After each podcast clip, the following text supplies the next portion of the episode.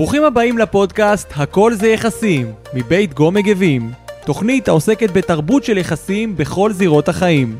יהודה אטיאס, שרון רנדליך ועמרי גפן יראיינו את האנשים המובילים בתחומם וידברו על הצלחות, מנהיגות, שאיפות וקבלת החלטות.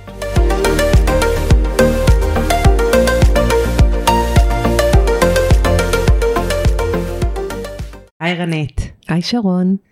אז נתחיל רגע בשאלה, מה זה בעצם אה, הדרכת הורים? בשבילי הדרכת הורים זה, זה ייעוץ לזוג הורים או להורה בנפרד, הורה יחיד, על הקשר עם הילד שלו, על הקשר בתוך המשפחה, איך אנחנו באמת מתנהלים ביום יום שלנו, בתוך המשפחה הקטנה שלנו. המורכבת. המורכבת או הלא מורכבת. יש לא מורכבות? יש משפחות לא מורכבות? יש משפחות יותר, אה, כן, שהדברים יותר פשוטים שם, תמיד יש אה, עניינים בתוך המשפחה, אבל לא כל משפחה היא משפחה מורכבת. אוקיי. Okay. טוב, אז כפי שהבנתם, היום אנחנו נדבר עם אה, רנית ארצי, שהיא קודם כל מדריכת הורים ומרפאה בעיסוק התפתחותית. היא מנהלת את הריפוי בעיסוק של מחוז מרכז במכבי שירותי בריאות. Uh, מתמחה במשפחות מורכבות וילדים ונוער עם קשיי התפתחות שונים והפרעות קשב וריכוז ומבחינתי הכי חשוב מעבר לזה שהיא חברתי הטובה מאוד מאוד מאוד מפתחת ומובילה את תחום הדרכת ההורים בקבוצת גו מגיבים. היי. אז היום אנחנו נדבר על הדרכת הורים באופן כללי וספציפית על משפחות מורכבות שבעיניי זה נושא סופר מעניין ונראה לי גם מאוד רלוונטי נכון? כי יש המון משפחות מורכבות היום. המון. נכון. המון. כל משפחה שנייה, כי אם יש 50% מתגרשים, אז 50% אחר כך הופכים למש... להיות משפחות מורכבות?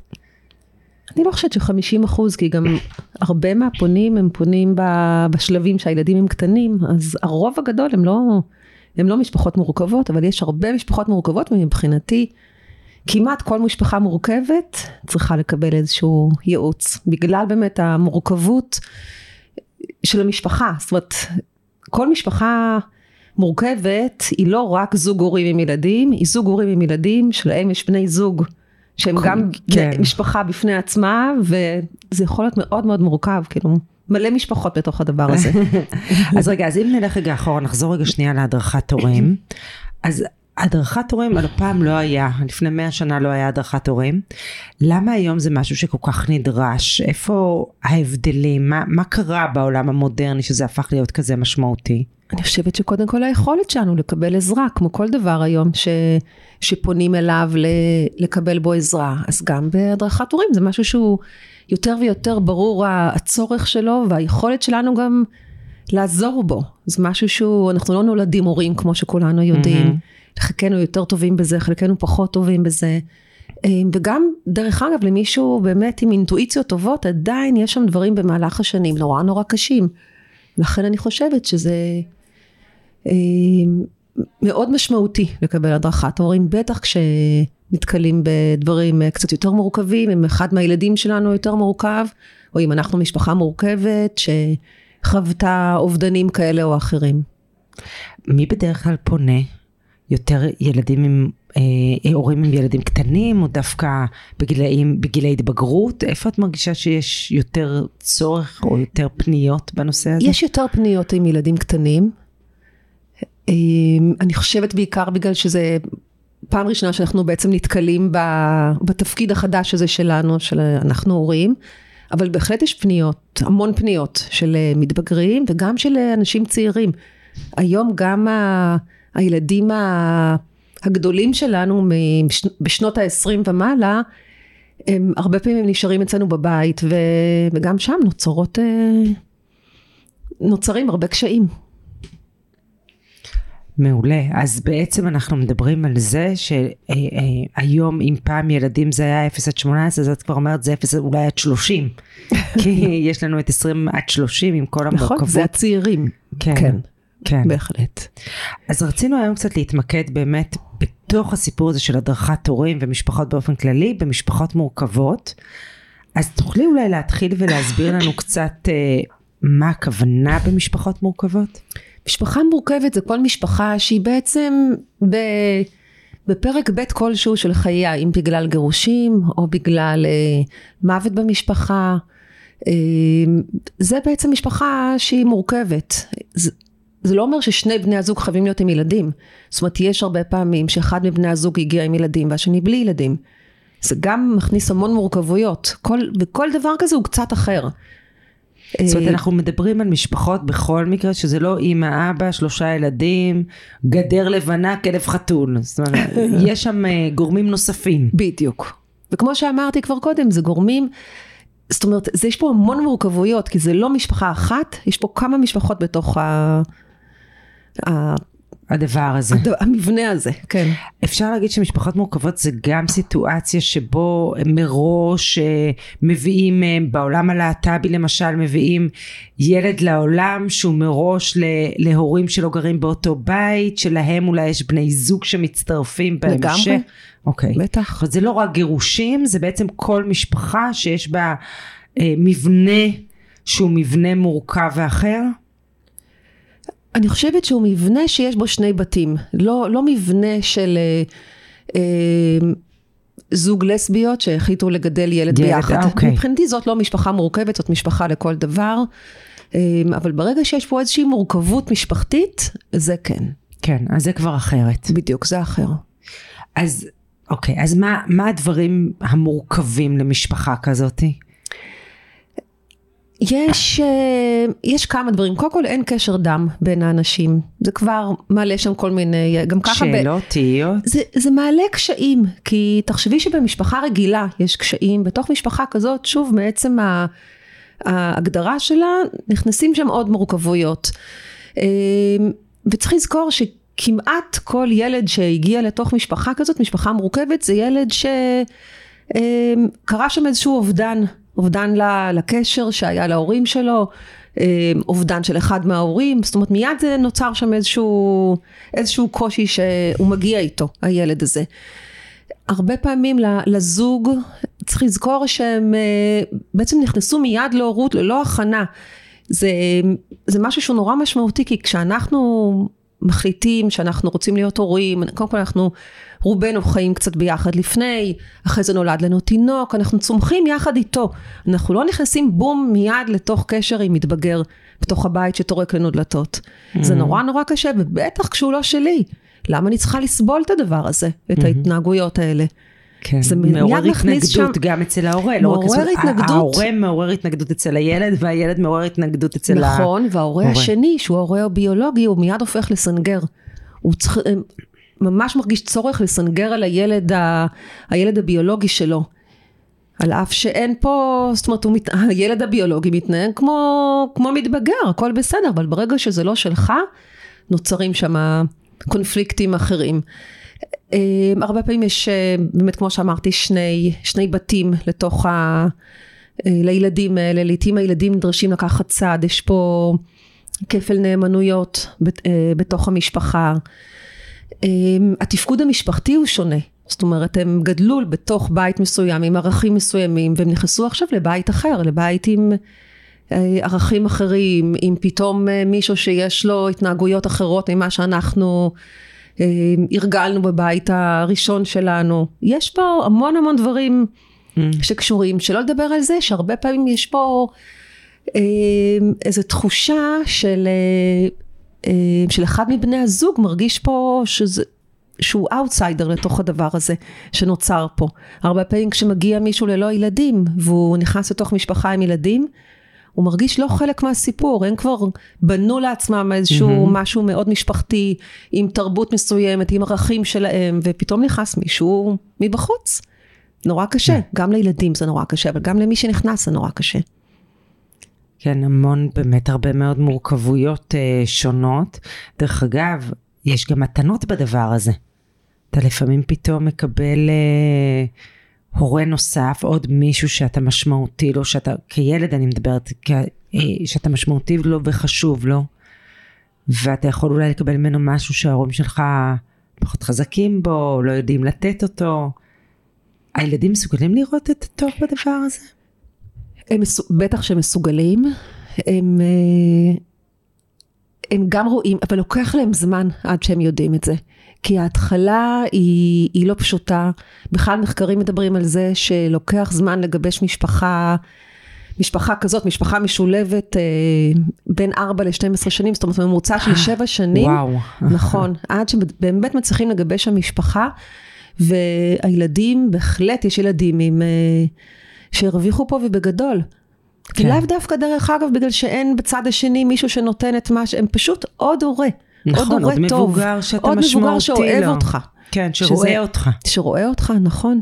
זה נורא נורא משמעותי, וזה הרבה פעמים ההתנגדויות של האקס הם אלה שלא מאפשרות את המקומות האלה, אבל זה משהו שיכול להיות שם, והוא הוא מדהים. זה בדיוק מה שרציתי לשאול אותך, איך, איך מערכת היחסים בין הזוג החדש לאקסים משפיעה על הילדים או על היכולת לבנות את המשפחה הזאת? כמובן שזה נורא משמעותי. צריך לזכור שלילד, הקושי הגדול שכשההורים שלו מתגרשים, זה לא הגירושים שקרו, אלא זה הקונפליקט שנוצר שם בין שני האנשים הכל כך אה, חשובים לו, ושהם בעצם ה... אה, מה ש...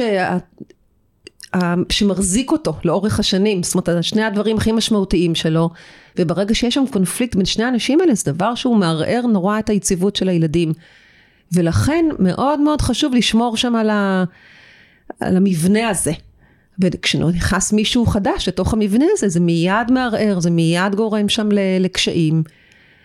ולכן זה חלק מההדרכה, של לראות איך אנחנו עושים את זה, ככה שגם אנחנו כזוג נוכל לבנות פה משפחה חדשה, וגם שהילדים שלנו יסבלו כמה שפחות מתוך הסיט... מכל הסיטואציה הזאת.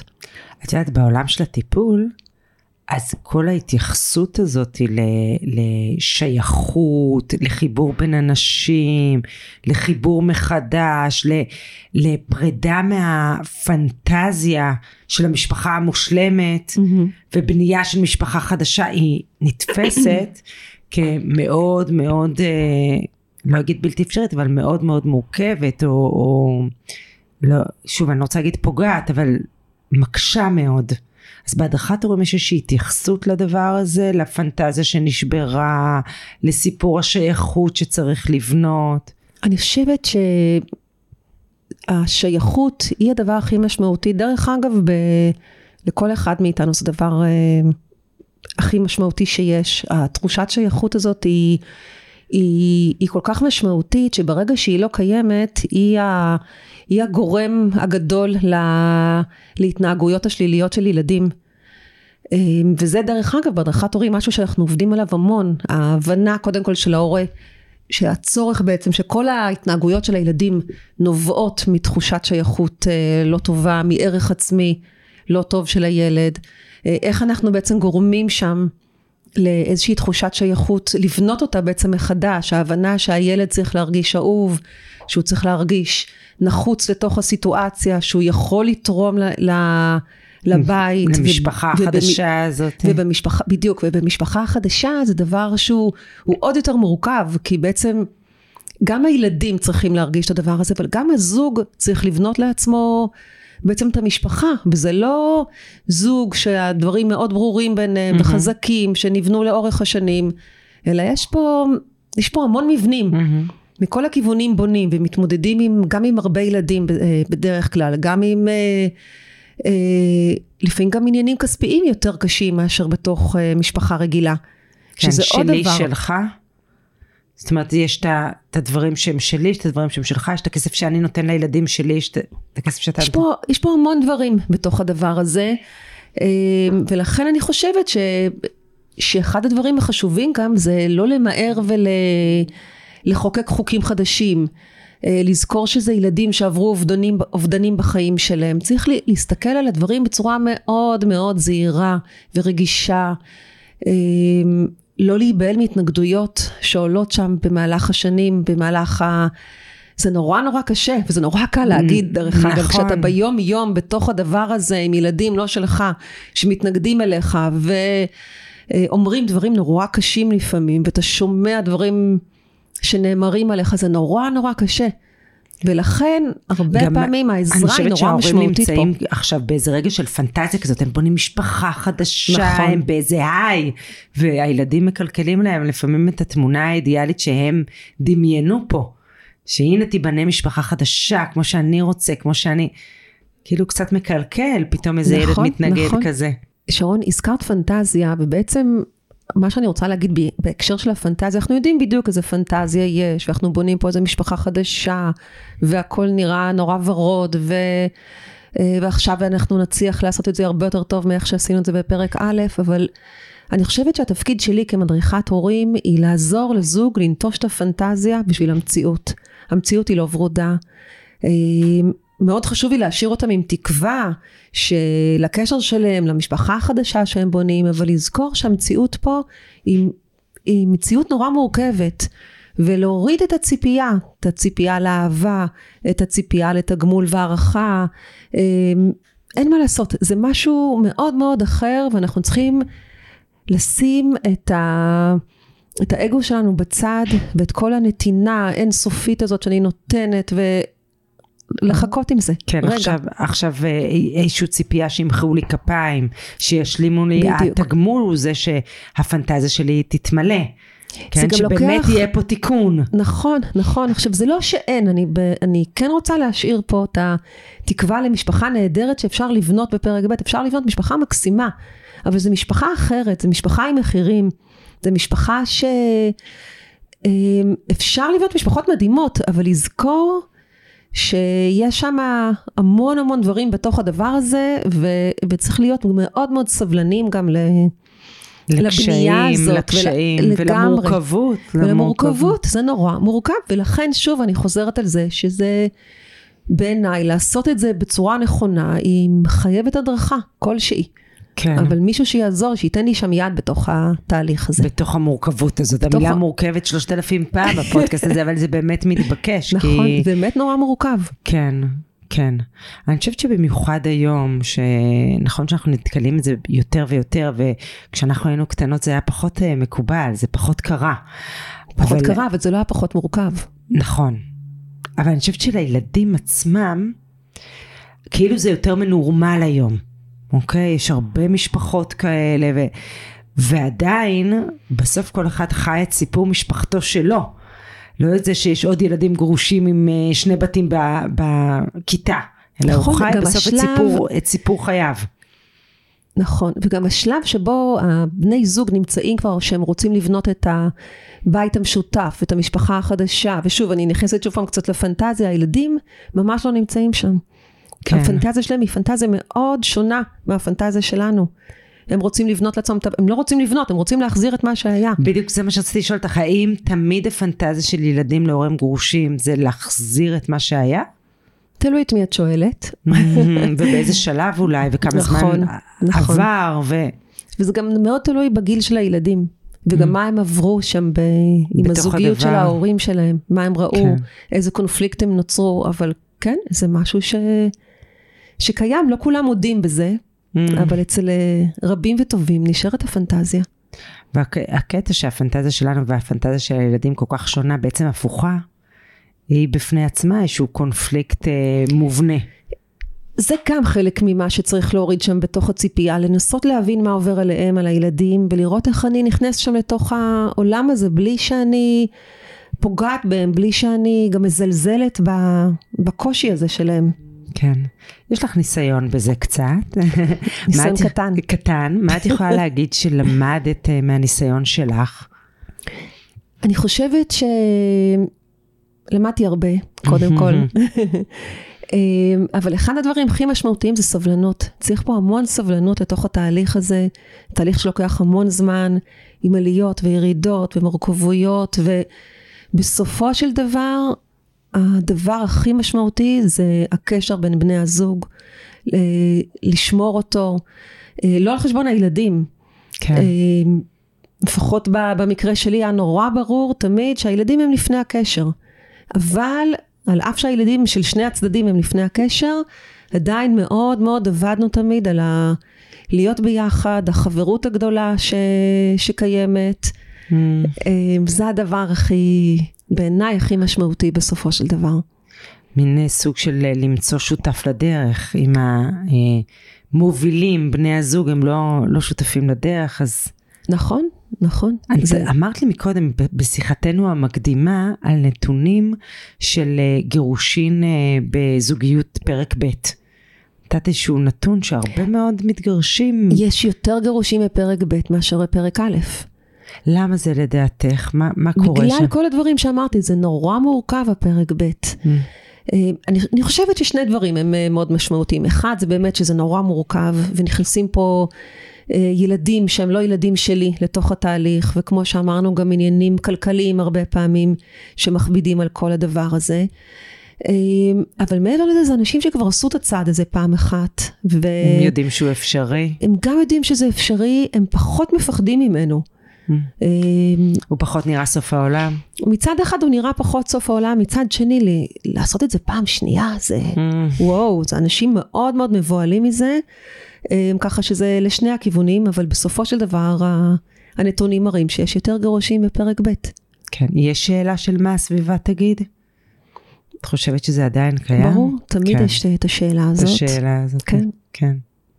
אז אם היית יכולה לתת אה, טיפים של אה, לא דברים מורכבים, כי אנחנו רק בפודקאסט פה, בשביל דברים מורכבים צריך ללכת להדרכת הורים, אבל באמת שניים שלושה דברים שלדעתך הם סוג של מפתחות, בכל זאת לשרוד את כל הדבר הזה שדיברנו עליו בשלום.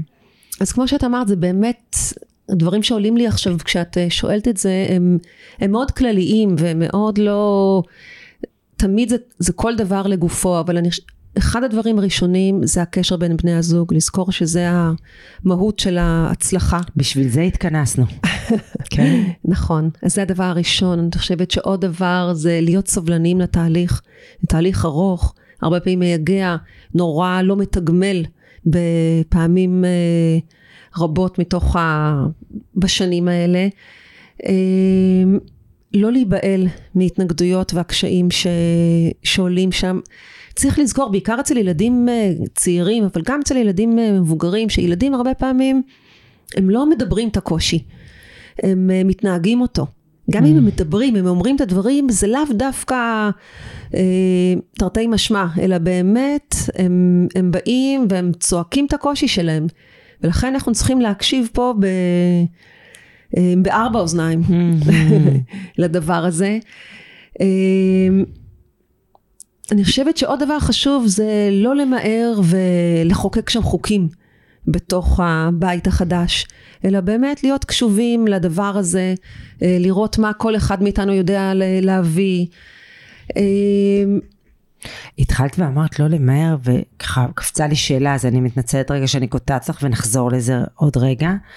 אבל האם לא למהר זה גם לא למהר לאחד בתים? יש יתרון ללתת זמן לפני שעוברים לגור ביחד כמשפחה? אני יכולה להגיד איך שאני רואה את זה באופן אה, אישי, אני חושבת שאין, ממש אין צורך למהר. צריך לחשוב טוב טוב אם מאחדים את כל האירוע הזה ביחד. אה, כמו כל דבר, יש לזה פלוסים ומינוסים, אבל זה נורא מורכב, ומהצד זה יכול לראות, אנחנו נעשה את זה עכשיו טוב. כמו שאמרתי, אנחנו נשאבים מתוך הפנטזיה הזאת, בסופו של דבר המציאות היא מאוד מורכבת, היא לא פשוטה, אה, וכן, אני, אני באופן אישי לא חושבת שצריך לרוץ, בטח לא לרוץ, צריך לחשוב, הזה. ממש לא לרוץ, ו... וצריך לחשוב על כל הדברים שמלווים. אה, עוד דבר חשוב שרציתי להגיד לך, זה שלזכור שההורה הלא, הלא ביולוגי לא צריך, אה, צריך לזכור בעצם שהוא לא, ה... אין לו את התפקיד המחנך פה עם הילדים. וזה נורא נורא קשה, כי בעצם זה ילדים שנמצאים אצלך בבית. ושוב, נורא קל לבוא ולהגיד, אל תהיה המחנך, יש להם הורה שמחנך אותם. ולנסות ליצור שם קשר של קרבה, ולא קשר של אה, חינוך בין, ה... בין ההורה הלא ביולוגי לילדים. כן. שזה, שוב, כמו כל דבר אחר שאנחנו אומרים, נורא קל להגיד ונורא נורא קשה ליישם אותו, אבל בשביל זה צריך פה את בואי העזרה. נתעכב רגע שנייה באמת על התפקיד של ההורה הלא ביולוגי. אז את אומרת, אין לו תפקיד של מחנך, אוקיי? או יש לו פחות תפקיד של לא, אין לו, מחנך? מבחינתי אין לו תפקיד אין של לו מחנך. תפקיד של מחנך לא, בכלל? לא, יש לו תפקיד של קרבה, הוא יכול לייעץ, הוא יכול אה, לתת פה איזושהי הסתכלות אה, אחרת על הדברים, אבל בשביל זה יש לו הורה לילד. אבל כן נתקלים בהרבה מאוד סיטואציות שדווקא ההורה הלא ביולוגי נמצא עם הילד לבד בבית וקורית סיטואציה שהיא סיטואציה שהתגובה אליה לרוב היא תגובה מחנכת. אוקיי, מריבה בין אחים, מכות, אני לא יודעת מה, אה, אנחנו יכולות למצוא דוגמאות רבות אחרות. אז מה, מה אז? לחכות להורה הביולוגי? הוא הדמות המחנכת? איפה, איפה אנחנו, האם אפשר להימנע לגמרי מלהיות הורה אה, מחנך או שזה משהו באמצע? את מביאה פה סיטואציה נורא ספציפית שהיא דרך אגב אני יכולה לתת לה עצות בעיקר למשפחות רגילות בסדר אבל okay. אוקיי. למשפחה מורכבת אנחנו חייבים להסתכל על ההיסטוריה שיש פה של ההורה הלא ביולוגי עם הילדים כי אם אני אבוא ומיד אה, אה, אלמד אותם איך מתנהגים ומה זה מיד ייצור את ההתנגדויות אנחנו חייבים לזכור ש... שוב, שאנחנו חייבים ליצור פה איזושהי קרבה בין, בין ההורה הלא ביולוגי לילד ולא להיות פה המחנך כי אנחנו, אנחנו בעצם אה, נפגע בקשר בינינו בצורה כזאת, מיד יהיו התנגדויות אלינו. כן, זה ייקח אותנו אחורה במקום קדימה. אז בעצם סיטואציה כזאת שאני מדברת על איזושהי נקודה בזמן שהורה לא ביולוגי נמצא עם ילד לבד, אנחנו צריכים ללמוד וכדי להגיד משהו על זה, להבין את הרקע, את היחסים בין ההורים, את היחסים בין ההורה הביולוגי לאותו ילד, היחסים בין ההורה הלא ביולוגי לאותו ילד. זאת אומרת, יש המון המון משתנים סביבתיים שכמדריך הורים אתה צריך לקחת לפני שאתה נותן איזשהו עצה. כן, ובאמת להבין את הדבר הזה. קודם כל צניעות תמיד דבר חשוב. אני חושבת שמה שאת אמרת פה זה בעצם להיות יותר צנוע בתוך הדבר. וזה נורא נכון. אה, ולנסות לא מיד לבוא ולהציל את המצב ואני יודעת מה נכון ומה אלא רגע בואו נרהר רגע את, ה, את הדברים. לא מיד נבוא פה בעצות אה, יודעות כל אלא לבוא ולהגיד אה, אולי כדאי שתעשה ככה וככה. לא צריך לעשות אלא אני חושבת ככה אני רואה את הדברים יכול להיות שאני טועה דרך אגב אבל ככה אני mm. רואה את זה. זאת ההצעה שלי להיות יותר מתעניין, פחות uh, מחנך, פחות uh, סמכותי במה, ב, מול הילדים הלא שלי, מול הילדים הלא ביולוגיים שלי. Uh, דרך אגב זה גם משהו שיוצר הרבה קשיים כשפתאום הילדים הביולוגיים שלי מסתכלים מהצד ואומרים מה זה הנחמדות הזאת? בדיוק, ש... רגע, למה אליי ככה? אותי מחנכים. לא, היא אליי, היא פונה ב... אה, בחינוך ואומרת לי מה לעשות, ופה היא פתאום יוצאת הנחמדה, זאת נכון. שמתעניינת באחר ופחות, אז כן, אז דברים האלה זה קורה כל הזמן. ילדים שלנו רואים הכל, הם uh, חווים את הדברים, הם, לפחות במקרה שלי, הם מאוד מדברים גם את הדברים. אה, מתלוננים. בשקט וברעש. כן. כן. אה, רציתי לשאול אותך מקודם, התחלת לדבר על זה, על עניין השייכות, אז בכל, אנחנו תכף נסכם, ננסה לסכם את הטיפים האלה שאת נתת, או את העצות אה, שאפשר לתת שהן קצת גנריות, אבל כמובן שכל משפחה צריך להתאים לה את מה שנכון לה, אבל דיברת מקודם על שייכות. Mm-hmm. אז איפה השייכות נכנס? מה, מה אנחנו יכולים לעשות כדי לייצר יותר שייכות בתוך uh, משפחה כזאת? כמו שאמרתי, השייכות והערך העצמי, זה, זה הבסיס, זאת בעצם מטרת העל של כולנו. לאיזה קהילה שלא נהיה שייכים אליה. ולכן, בטח בתוך משפחה כזאת, אנחנו צריכים ליצור פה איזושהי שייכות. שליצור פה אולי איזה שהם תחומי עניין משותפים, ליצור טיולים, ארוחות, אולי את האוכל של המשפחה שלנו, את ה...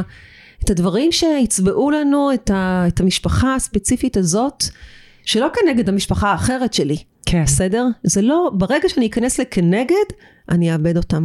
Mm. אבל ליצור פה איזשהו משהו שלנו, של המשפחה החדשה הזאת שאנחנו בונים לנו.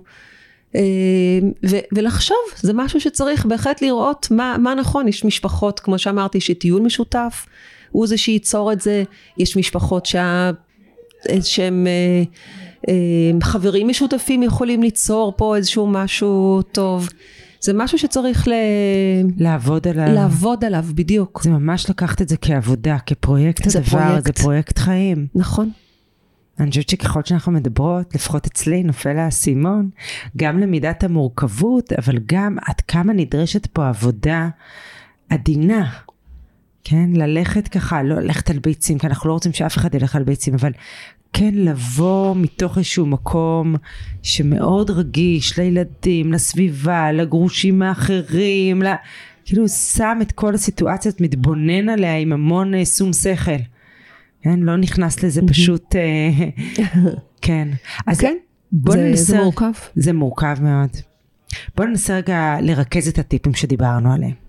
אוקיי? אז אחד הדברים הראשונים שאת אמרת ודיברת עליו זה בעצם הקשר בין בני הזוג, נכון? זה אולי היה הטיפ הראשון. כן. שאם הבני זוג מצליחים להיות בזה ביחד, להיות חברים בתוך הדבר הזה, לבנות ביניהם אי שהם יחסים שהם מספיק יציבים וחזקים, אז כבר לילדים יותר קל להיכנס לתוך הדבר הזה. הדבר השני שאני זוכרת שאמרת, דיברת על סבלנות. סבלנות וזה- לתהליך. הסבלנות לתהליך, לזה שהתהליך הזה הוא תהליך ארוך, צריך המון אורך רוח. נכון, עם המון קשיים באמצע, עם המון טריקות דלת, תרתי משמע. כן. ולהכיל אותם.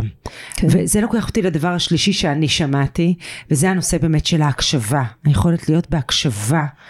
אה, לילדים, לבן זוג, לצדדים האחרים שלא גרים בבית, אבל להיות בהקשבה לכו- ל- לכל. לא להיות רק בלהביא את עצמי או את הפנטזיה שלי את מה שאני רוצה, אלא להקשיב לכל הצרכים האחרים שעולים שם ונוכחים שמה. אה, דיברנו גם על הנושא של הקרבה ואיך אנחנו מייצרים, אנחנו לא מגיעים מלחנך, אנחנו מגיעים מלקרב. ובהקשר של הקרבה כמובן, דיברנו על העניין הזה של השייכות. ואיך באמצעות הקרבה אפשר לייצר שייכות. דיברת מאוד מאוד יפה על זה ששייכות היא, ככה אני, אני שמעתי את זה, אבל היא אה, מאוד מתאפשרת כשאנחנו מייצרים חוויות משותפות. ואז דיברת על טיולים, על קניות אפילו, על לא משנה מה, אבל על דברים שמייצרים לנו חוויות משותפות, ואני חושבת שחוויות משותפות, תקני אותי אם אני טועה, הן גם חוויות משותפות של אחד על אחד, אבל הן גם חוויות משותפות משפחתיות. כמו למשל ארוחות שישי שמתאפשר, כאילו לעשות משהו שהוא עם המון סממנים משפחתיים. עם משפחה חדשה.